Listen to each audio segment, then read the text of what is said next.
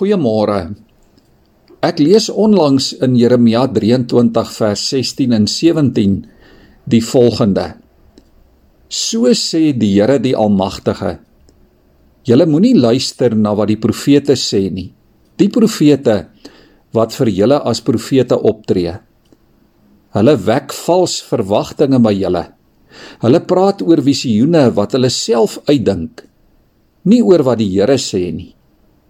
Hulle hou aan om vir die wat my minag te sê. Die Here sê, daar sal vrede vir julle wees.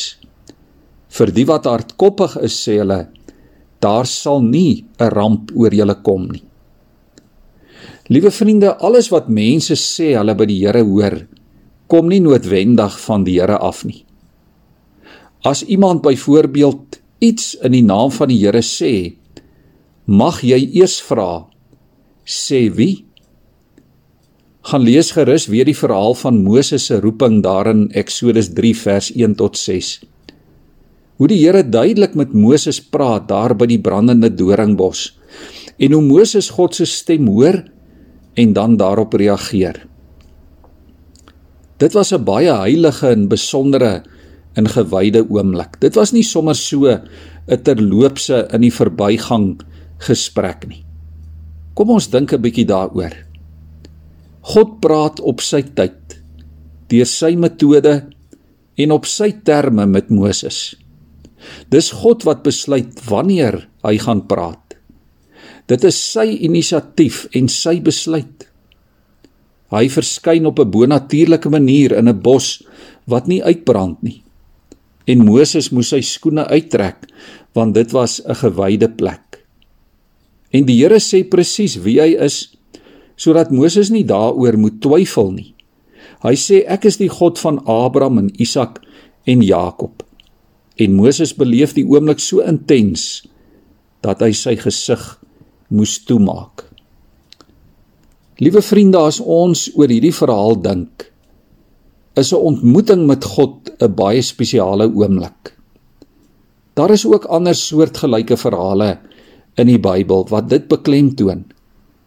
Dis nie sommer maar 'n terloopse gebeurtenis nie. Dit gaan gewoonlik gepaard ook met 'n opdrag. En daarom moet ons versigtig wees om nie te maklik te sê die Here het vir my dit of dat gesê nie. Of om die Here aan te haal vir iets wat hy dalk nie gesê het nie. Kom dit waaraan jy jou ore uitleen regtig van die Here af. Die Here praat vandag met ons deur sy woord. Hy praat deur die Bybel en deur die voorbeeld van sy seun Jesus Christus. En hoe meer ons die woord lees en hoe meer ons die voorbeeld van Jesus bestudeer en dit navolg, hoe nader kom ons aan die duidelike hoor van God se stem. Dit help ons ook om dit wat ons by mense hoor te toets en te beoordeel of dit regtig van God af is of nie.